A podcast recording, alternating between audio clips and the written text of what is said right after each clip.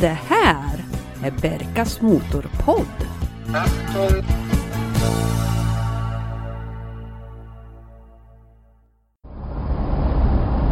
Hej och varmt välkomna till det här säsongsavslutande specialavsnittet av Berkas Motorpodd.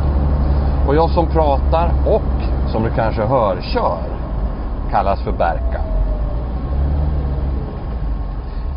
Det har ju varit det så kallade Myrbergsrallyt, den här familjefesten med veteranbilar som har körts kring Norberg och Fagersta-trakten i helgen. Och eh, just nu så sitter jag faktiskt och rattar en 50 år gammal bil. Och det är ganska otroligt när man tänker på ålder och vad det är för någonting. Det här är alltså en Guldmetallic Volvo 1800 ES ifrån 1973. Och det här är ju poddens nya, ska vi säga, projektbil. Det råkar ju även vara samma modell och färg som jag hade på min allra första bil. Som också var det första avsnittet utav podden.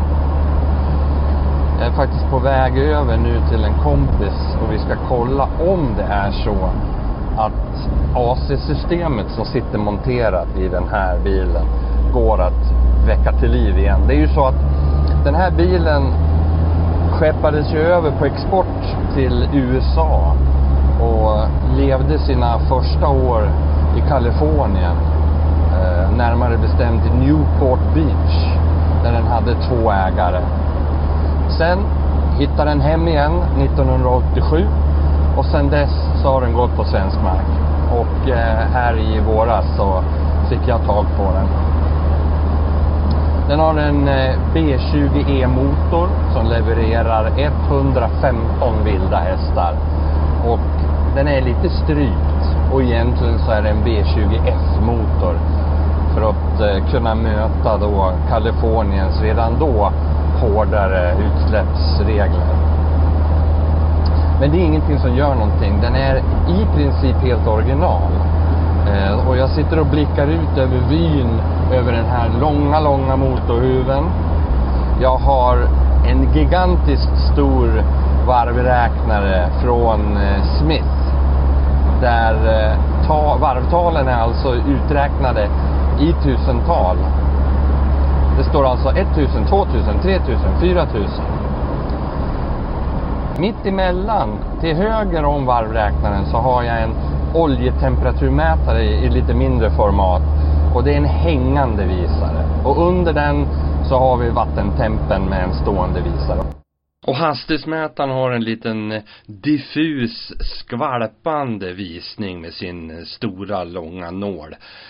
Knappast några digitala visare det här. Sen har vi en eh, grön kontrolllampa för overdriven. Och overdriven sitter inte vid växelspaken. Det var en liten intressant omkörning av en lastbil där framme. Ja. Jo, overdriven sitter inte på växelspaken utan den är placerad där vi i normala fall hittar eh, spaken till vindrutetorkarna. Men det är spaken för overdriven på den här. Eh, sen har vi en eh, oljetrycksmätare, en tankmätare och en klocka. Och sen kommer då den eh, tidsenliga Clarion-stereon. Och jag backar tillbaks igen till att den här bilen faktiskt har luftkonditionering. Och det var ju någonting som säkert var väldigt uppskattat när man eh, körde omkring med den här bilen då 1973 i Kalifornien. Eh, den har en jättestor plastbox vid passagerarens fötter, eller knän rättare sagt. Där det då står Volvo på och det är utlås. Och sen har vi en mittkonsol med två stora riktbara utblås. Och sen har vi själva kontrollenheten då. Där eh, det är helt enkelt angivet eh, om du kör på motorväg eller inne i stan eller om du vill stänga av hela systemet. Och sen är det då fläktstyrkan på low, medium, high och off. Så att eh, det ska bli riktigt, riktigt spännande att se om vi får igång det här.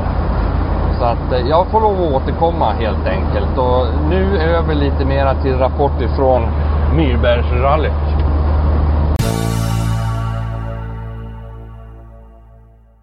I vanlig ordning så brukar ju Janne och jag åka Audi Quattro. Åtminstone så har vi gjort det något år och förra året gjorde vi det inte på grund av att det trampade av gasvajern. Men det är en annan story. Janne, välkommen ja. till podden. Det är ju säsongsavslutning och allt. Ja, det är nästan lite sorgligt va? Lite, men man måste samla kraft och eh, nya perspektiv inför nästa säsong så att säga. Vad är din känsla för Myrbergsrallyt som gick av stapeln här i lördags? Känner du att det var Känner du att du var på banan så att säga? ja, jag, jag var ju synnerligen på banan, det kan man väl konstatera. Eh, nej men alltså det var väl lite hårt att bli petad ifrån från eh, den här trevliga samvaron som vi har normalt i, i bilen. Eh, men eh, det, det, var ju inte bara jag som tog en smäll. Jag fick ju köra mest av oss två. Så att, eh, det är ju nästan, det är nästan dig man ska fråga hur det kom sig att du liksom hamnar på, på, på sidan om här bort ifrån ratten. Vad var det som, eh, vad var det som hände? Ja, jag vet. Alltså jag, jag petar ju bort dig därifrån passagerarsätet. I förmån för mig själv skulle man kunna säga. Och jag vill inte sitta i baksätet kanske på Quattron. Jag är lite för lång för det. Mm, ja, precis. Eh, nej, men det var ju så här att eh, jag fick helt enkelt, jag blev uppringd helt enkelt utav eh, rallylegenden Hans-Åke Söderqvist. Och eh, han skulle ju delta i vanlig ordning med sin hundkoja. Och så hade han lånat ut en Porsche till en kompis. Och så hade han ytterligare en kompis som gärna ville vara med och åka. Men eh, han hade inte möjlighet att förse honom med en tredje bil och plocka upp ifrån Göteborg. Så då kom ju frågan då om hans kompis fick åka med i min Audi då. Och stipulationen var ju då till och med att han skulle få köra. Det där, det där måste jag känna lite konstigt när du fick den frågan. Va?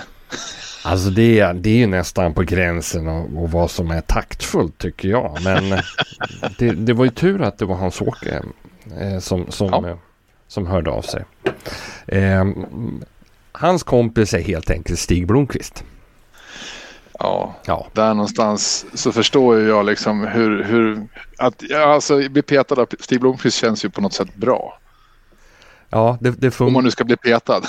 Ja, ja, men det är ju så. Ska man bli petad så ska man ju bli det ordentligt. Eller hur? Eh, och eh, för min del så var det ju inte så mycket att fundera på. Det är väl klart som korvspad att Stig Blomqvist ska få köra min Audi Quattro. Ja, vilken grej. Ja. Vilken grej. Så att eh, så blev det ju och då fick jag, jag väldigt dåligt samvete att vi hade petat bort dig där. Nej, nu får du väl ge det. Jo, men lite så, var det så. Så länge, så länge har vi känt varandra så att det, det jobbar vi. Jag jobbar ju genast på att försöka hitta en plan B där. Jo, men du gjorde det och jag utverkade ju också då ett litet, ska vi säga, specialtillstånd ifrån tävlingsledningen där så att mm. eh, för du var ju lite inne på att du ville köra en gammal veteranbil och det ja, köper hade... jag rakt ja, ja, men alltså sån, jag är ju lite, jag tillhör ju liksom den där, kan man hitta en T-Ford så, så är det jättekul. Liksom. Ja. Men eh, jag kan ju inte säga att jag blev, blev direkt besviken på alternativet som dök upp.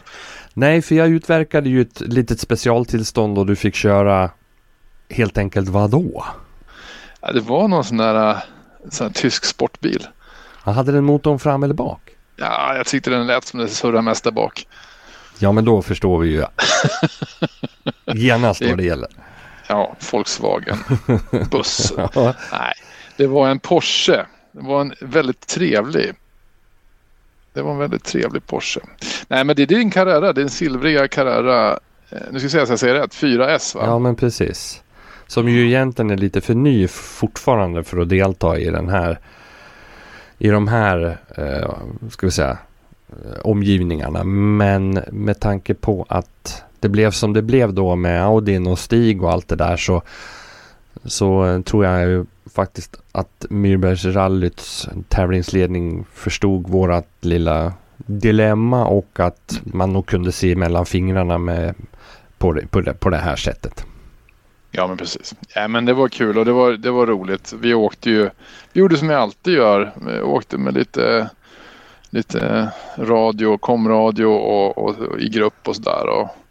Det blir ju liksom en, en, en samvaro fast man inte sitter i samma bil också. Så att nej, jag led inte speciellt mycket ska jag vara tydlig och säga.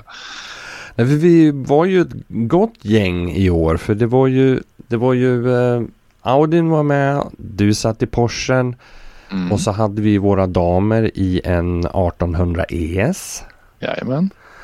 Och sen hade vi kompisar från Ekerö, Björn och Ann-Kristin i sin fantastiska 911 S från 71. Oh, den är faktiskt väldigt, väldigt vacker. Ja. Och eh, min far var även med med eh, 964. Och mm. sen hade vi Gustav då och det pratade vi om i det här eller jag pratar om det här i fadäsen då med 240 att den inte startar sådär. Men jag tror att eh, han och hans polare var ganska nöjda att de fick åka 940 turbo med fungerande luftkonditionering. För det var ju... Det var en varm dag. Det var varmt var det. Ja, Ja men det var det ju och, det, det, är väl egentligen den, den kontentan som vi konstaterat att våra damer fick det ju hetast.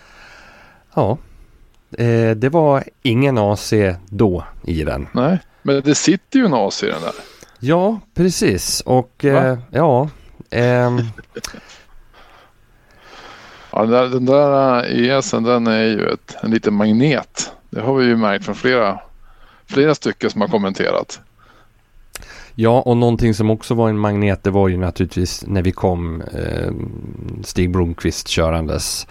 Ja. Så fort han klev ur så var det ju som människor som ville ha autografer, ta bilder, prata. Han är ju en gigant inom eh, motorsporten och jag är faktiskt förvånad att han inte har fått mera uppmärksamhet med tanke på allt som han har åstadkommit inom sin idrott. Det är, det är synnerligen en, en, en, en intresserad eh, skara människor som, som bevistar de där tillfällena. Eh, så att det är ju jättekul när, när det verkligen blir ett tillfälle att träffas. Och jag tycker det var kul att han ville vara med och, och, och ändå prata. Även om jag såg på honom att han kanske var mer sugen på att köra bilen och prata andras minnen av honom. Den här bilen, eh, bara säg hur, vad tycker du är det bästa med den här bilen? Ja, det var ju det som var bäst då i början på 80-talet. Så det var, jag hade ju förmånen att köra en sån här bil då. Ja, det vet vi. Och det gick ja. ganska bra, eller hur? Ja, det gick skapligt. Det gjorde det. Lite tråkigt att han inte har fått, ska vi säga, den, eh, den uppmärksamheten ifrån eh, idrotts-Sverige. Mm. Som jag tycker att han absolut förtjänar. Jag fick du någon chans att prata med honom om, om, om sånt där i, i bilen eller hur, hur, hur gick snacket? Eller satt ni tysta? Nej, det gjorde vi verkligen inte. Eh, men jag ville liksom inte prata motorsport eller rally med honom för att det är han ju säkert så fruktansvärt less på. Så att vi började prata om annat istället och det var, vi hade väldigt bra privata samtal om eh, allt möjligt som eh, Nej, vi hade en väldigt, väldigt trevlig stund i bilen och minnet som jag speciellt kommer ihåg det är när han gasar ur den lite grann sådär som man kan göra men att man ändå känner att det är försiktigt eftersom han ju är rädd om bilen. Ja. Och eh, det här var ju den modellen som han ju faktiskt vann rally-VM i 1984. Inte min bil men en sån bil. Ja, just det. Och då, då sitter han och så när han har liksom gasat ur den på trean, fyran, femman och så vänder han sig till mig och så säger han så här. Den här går ju precis som den vore ny, säger han. Åh, sånt blir man ju glad av. Ja, men då känns det som att... Oavsett vem som säger det. ja, men då kändes det... Det här var ett det här bättre kvitto än så, det kan jag liksom inte få. Nej, det där. Kan du rama in den, det citatet? ja, det skulle vara någonting. Och sen var det när vi åkte tillbaks över då den här så kallade gamla Norbergsvägen som går mellan Norberg och Fagersta. Och då fick vi fritt. Och det här är ju en rolig, smal, asfalterad landsväg. Mm. Och eh, då brann det till lite grann. Då såg jag att då plockade han fram det här. Och då, det var en... Eh, det märktes att han hade en helt annan metodik när det kom till hanteringen utav bilen. Och det som jag reagerar på, och det här var ju inte något tävlingsbus, men det är klart att lite buskörning var eh, Att han, han höll i ratten på väldigt specifikt sätt. Eh, Mhm. som, han höll den liksom inte så mycket kvart i tre, utan han höll den nästan lite 20 i fyra. Mm. Så att han liksom fick lite mera svung på ratten med armar och axlar. Mm. Och sen att han inför en kurva bromsade väldigt tidigt. Man säger ju ofta att man ska bromsa så sent som möjligt. Men han bromsade väldigt, väldigt tidigt. Okej. För att sen kliva på väldigt, väldigt tidigt. Och det här tror jag har med hans eh, rutin. Att eh, den här bilen är fyrhjulsdriven och jag, jag, jag ska ge fullt genom kurvan. Inte som man kanske annars gör att man avvaktar lite grann och sen kliver man på. Utan han har redan klivit på när han Just går in i kurvan. Därför att han styr bilen med, med gas och broms och naturligtvis ratten då. Men nu var det ju inte sånt underlag. Men det märktes liksom att det, det där satt i på något vis. Så en Mm. dutt på bromsen långt före kurvan för att sen liksom full attack redan innan kurvan. Så det var, det var lite annorlunda att sitta och känna på det. Häftigt. Mycket häftigt. Så nu ska du ut och praktisera där nu då? Nej. Jag överlåter det där till någon som är världsmästare. Jag förstår. Men Myrbergsrallyt då, det är ju massa kontroller här som vi stannar på. Mm. Är det någon sån här kontroll som har satt sig i minnet som gick bra eller dåligt för dig? Nej men alltså kasten gick dåligt. Så var det ju. Det var så? Det var ju, det var ju inget, inget vidare eh, flyt i de delarna. Och sen, sen var det väl liksom lite roligt med att lösa eh, lite kluriga frågor. Det måste jag alltid, det tycker jag alltid är kul. Själv då? Ja, jag tycker inte om de där klurighetsfrågorna för jag blir så jävla förbannad eftersom jag inte begriper dem på ren svenska. Men däremot så gick det bra med kasten. Ja. Ja. Jag, Jag fick aldrig någon, eh, jag fick aldrig någon bekräftelse på, men just då i alla fall, och vi var ju ganska sena på sista kontrollen, att jag hade rekordet med tennisboll i 9 liter hink. I hink? Ja. Boll i hink. Mm, Det är din grej. tydligen, ja. Sen gick det rätt bra på kubben också. Ja du ser, vi skulle ha kört ihop. Då hade vi varit starka. Absolut. Men eh, jag har ju gett eh, Stig en stående inbjudan till nästa år så att ja, Janne. Men då kan vi i alla fall summera det här som att det var ett väldigt, väldigt eh, lyckat och trevligt lopp. Ja, det var det synnerligen. Minnesvärt, verkligen. Och eh, med stor sannolikhet så eh, kan vi väl antingen hota eller lova eh, arrangörerna Myrbergs verkstadssällskap att vi återkommer 2024. Det tycker jag väl inte finns någon som helst anledning att låta bli.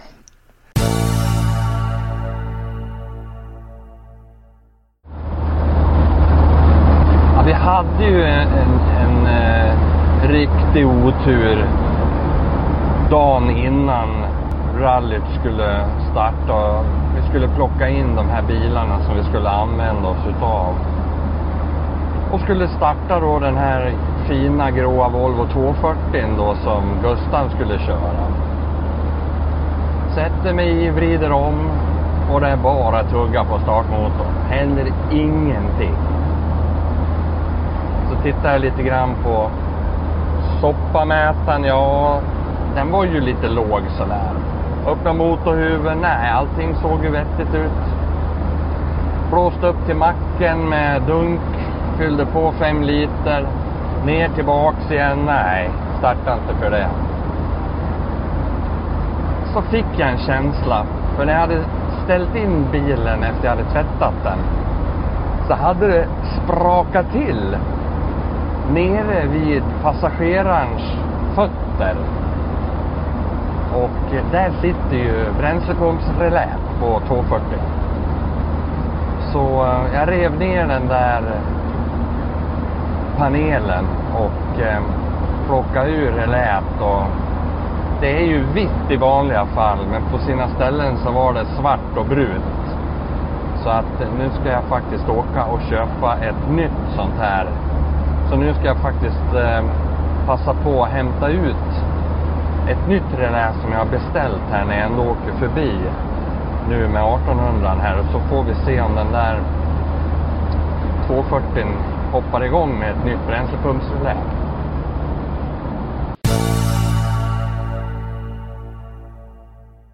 Då sitter vi faktiskt i den här gråa 240. Ni känner igen, det där känner ni igen, det är handbromsen. Och det där känner ni också igen för det är säkerhetsbältesvarningen. Men nu har vi ett nytt sånt här bränslepumpsrelä och då ska vi kolla om det var det felet.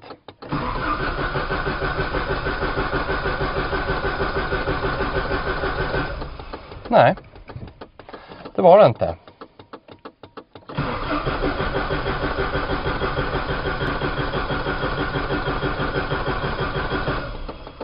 Då eh, får vi egentligen eh, börja om lite grann här då och eh, helt enkelt felsöka.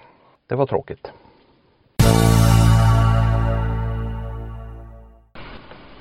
Ja, då är vi ute i garaget igen. Det här är dag två på den här felsökningen på 240 som vägrar att starta. Eh, nu har jag kikat lite på Youtube och hittat en fenomenal kanal heter det väl, som heter Veterandoktorn. Felsöker Volvo 240. Briljant video. För här får man nämligen inte bara var och hur man ska felsöka med en multimeter. Utan han har även vilka mättal som är rimliga. Och då sätter jag min multimeter på det där. Och då ska jag börja kolla så att tändspolen helt enkelt levererar eh, någon form av spänning här. Och eh, då sätter jag en jord och så sätter jag eh, min pluskabel här på terminal 1 på eh, tändspolen. Och då vill vi ha ett resultat på någonstans runt 12 volt. Och det visar 0. Den, den här tändspolen, den, den verkar vara helt, helt död. Eh, Okej, okay. nu fick jag ett litet sms. Så att vi gör helt enkelt så att vi pausar lite grann här.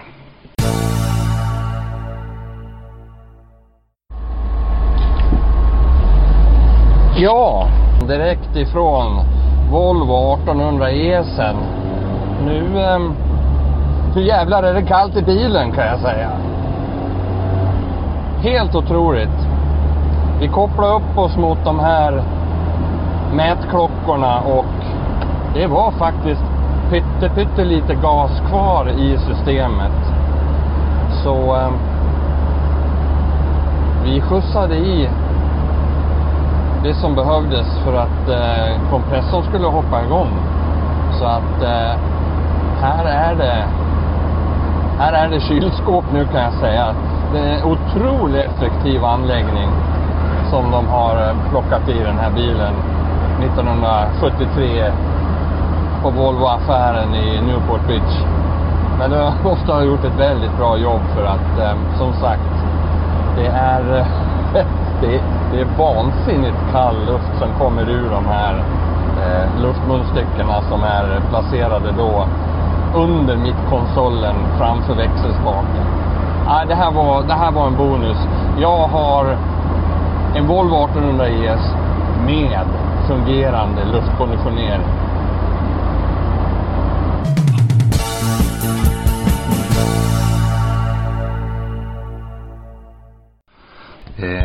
Jag börjar ana var felet är någonstans. Eh, men vi fortsätter att kolla på den här tändspolen. Och där får vi också 12 volt. Och det är 12 volt. En till kontroll för att se att spolen är som den ska är att kolla den primära och den sekundära resistansen. Primär resistans mäter vi mellan de två kontaktstiften, 1 och 15. Då får vi ta bort de här skorna så vi kommer åt. Och då ska det vara under en ohm. Och se att den ligger Mhm, okej. Vi sätter ettan och 15. Och då ska vi ha en ohm också på den här multimetern. Sådär, ohm. Ettan där, 15 där och då ska det vara under en ohm och jag mäter 1,4. Så att det är ju alltså den tredje mätningen eh, som mäter fel. Tre av tre fel helt enkelt.